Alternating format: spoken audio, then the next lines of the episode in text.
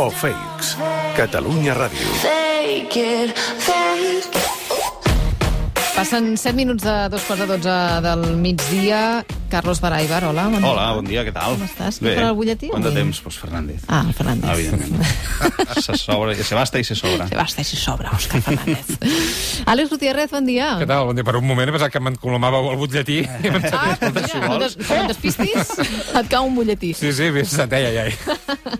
Vinga, va, encetem a aquesta última part del programa abans de l'apocalipsi, parlant de, dels mitjans, no? de tot el que és la comunicació, que és una mica el, el que us dediqueu a fer vosaltres amb aquest Fets o Fakes i el Media Trèmol. Uh, anem acumulant i desmentint uh, fakes uh, setmanalment, uh, Carlos. Sí, en tenim bastants. Per, per on comencem avui? Perquè, clar, per fer la tria... En tenim molts eh? acumulats i en tenim un que és, eh, em sembla que és significatiu, que està bé, que aprofita, serveix per fer una mica de divulgació científica i que, bé, al final és un dels debats que planen i és sobre l'escalfament global i un diputat de Vox, José Contreras, que és catedràtic en filosofia del dret i no en cap altra ciència relacionada amb el canvi climàtic, en una comissió del Congrés va venir a dir que si s'escalfa el planeta una miqueta ja va bé perquè es mor molta gent de fred. El sentim. ¿Quién decretó que la temperatura óptima para la humanidad fuese la de 1850? ¿Eh? Desde 1850 la temperatura ya ha subido algo más de un grado, sin embargo no parece que nos haya ido tan mal en el siglo XX y principio del XXI. ¿no? De hecho ha sido el periodo de más rápido progreso para la humanidad. Pues bien, cuando suba 2,6 grados más a lo largo del siglo, del siglo eh, XXI, los efectos no tienen por qué ser desastrosos. De hecho, serán efectos mixtos, algunos positivos, algunos negativos. Por ejemplo, según la, la revista The Lancet, eh, hoy día mueren de frío 17 veces más personas que, que de calor. ¿no? Luego, que, que se caliente un poquito el planeta eh, para empezar a reducir las muertes por, por frío. Clar, és que és, terrible. És terrible i el millor de tot és que és veritat, el, una part del que diu. Baraibar! Aquesta és la part interessant de, de? Del fet. Eh? Què ha passat aquí des de l'últim cop que vaig venir? El diputat Contreras cita de Lancet i jo sempre vaig a buscar la part de veritat on s'agafen aquest cherry picking, aquesta història certa, per veure fins com ho desenvolupen, no?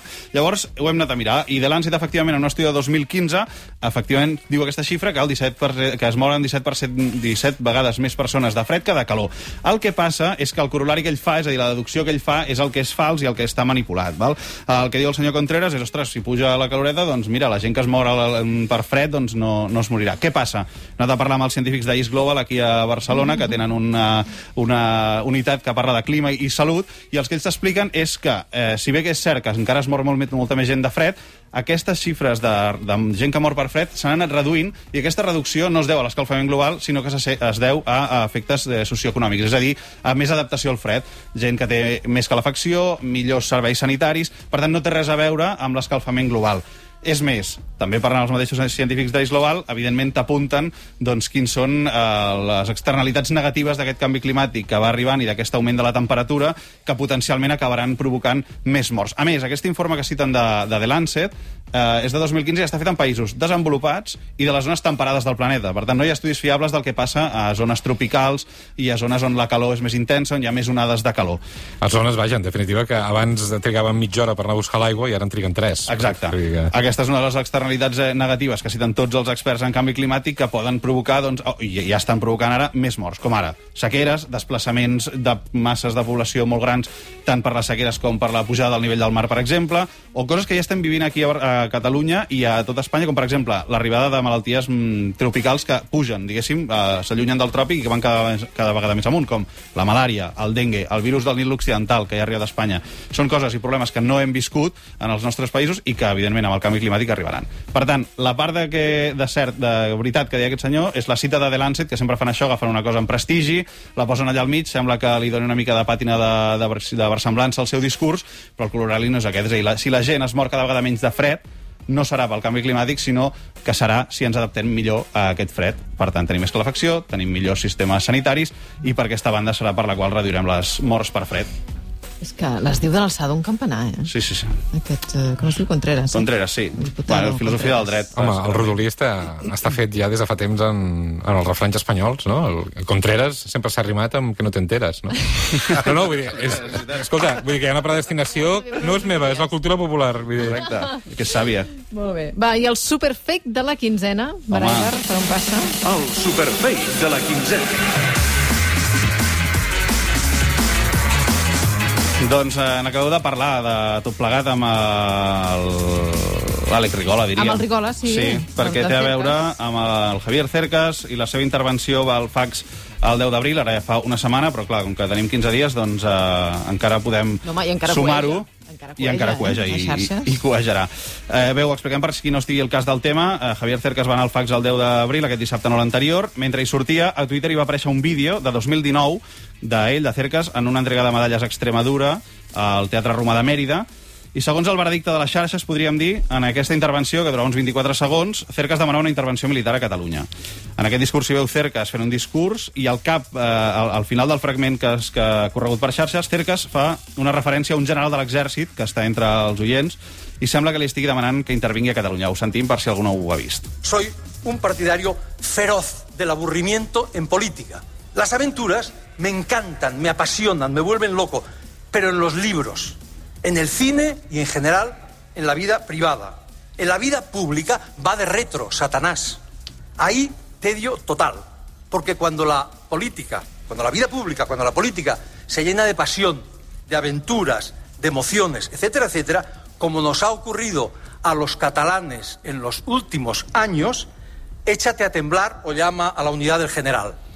Clar, llama a la unitat del general, risses i aplaudiments eh, generalitzats en l'auditori. Sembla que estigui demanant un militar que intervingui. El que passa és que si amplies el context, eh, obles el focus d'aquest vídeo i veus què ha passat abans en l'acte aquest, doncs veus que el general que fa referència és de la UME, la Unitat Militar d'Emergències, que es dedica a intervenir en casos d'incendis, inundacions, eh, bé, mm, en, en tot tipus de- d'emergències.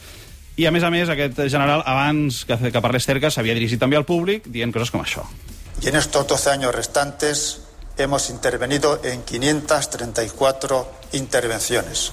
Hoy estamos interviniendo también en Galicia en unos terribles incendios, pero pronto nos dimos cuenta que había que hacer frente a los riesgos tecnológicos y creamos una unidad ex proceso para hacer frente a los riesgos nucleares, bacteriológicos, químicos y radiológicos. És a dir, que aquest general, que es diu Miguel Alcañiz, de la UME, va, xifra, va enumerant les coses a les que es dedica la seva unitat i al final del seu discurs fa aquesta frase lapidària. Y les quiero decir una cosa, no se preocupen, estén tranquilos. Ya saben que cuando crean que no les queda nada, todavía les quedará la UME. Muchas gracias. I després d'això és quan parla Cercas i fa aquesta referència a, doncs, si no et queda res i tens un incendi, doncs a crida la unitat del general. Uh, aquesta és, uh, aquest és el fet amb el focus gros, és el context. Ara, aquí tothom pot fer la seva interpretació, però almenys posar una mica més en context aquests 24 segons de vídeo en els que semblava que Cercas estava dient a un militar uniformat que, que havia de venir a resoldre el tema a Catalunya. Cercas ha parlat de diversos mitjans de comunicació i ha explicat això, ell que volia dir que vingués a apagar l'incendi i que era com cridar els bombers. Um, amb la composició de lloc feta, cadascú és lliure de fer-se la seva opinió o de dir el que, o de creure el que, el que vulgui, del que va voler dir Cercas aquell dia del 2019, però bé, aquest és el context del que va passar i d'on va sortir això doncs, durant el fax de, de TV3 i on es va llançar aquest vídeo de 2019 que crec que ningú tenia molt present, per tant també és estrany que sortirà com un bolet amb aquesta intervenció de, de, de Cercas al fax, però en qualsevol cas aquest és el context de tot el, el merder que s'ha generat al voltant d'això. Mm, tu n'has parlat, eh, també, a- al diari? Em vaig parlar perquè, clar, arran de la polèmica em van cridar l'atenció dues coses, dues coses de la reacció, de la reacció, de la reacció, és a dir, a, a tres bandes. Ja, que era d'una banda una vinyeta al diari El Mundo de Gallego i Rei, on es veia a la primera vinyeta un rostre de Hitler, tallat allò just pel serrell aquell en diagonal, i aleshores s'ampliava el focus, es veia de més lluny, i aquell serrell era la punta d'una estelada, no? I era, per tant, l'enèsima vegada que es banalitzava amb el nazisme i que es, compa es comparava l'independentisme i en aquest cas, doncs, malgrat tot, doncs, 4, 40 tuits deia, o 400, és igual, amb, doncs, amb Hitler, que evidentment I al costat de la vinyeta posava jo con Cercas. una Exacte, sí, jo con Cercas, etc. I aleshores, després també el propi Cercas eh, va dir que la campanya aquesta li semblava doncs, pròpia de l'estasi, i altre cop, doncs, ostres, al final, eh, si tu estàs denunciant la polarització, la, el fet que hi hagi allà una, una poca reflexió i unes eh, reaccions totalment eh, emocionals o polaritzades o crispades, però clar, al final titlles l'altre de nazi, d'estàs, etc. no deixes d'estar participant de la mateixa roda, en el fons.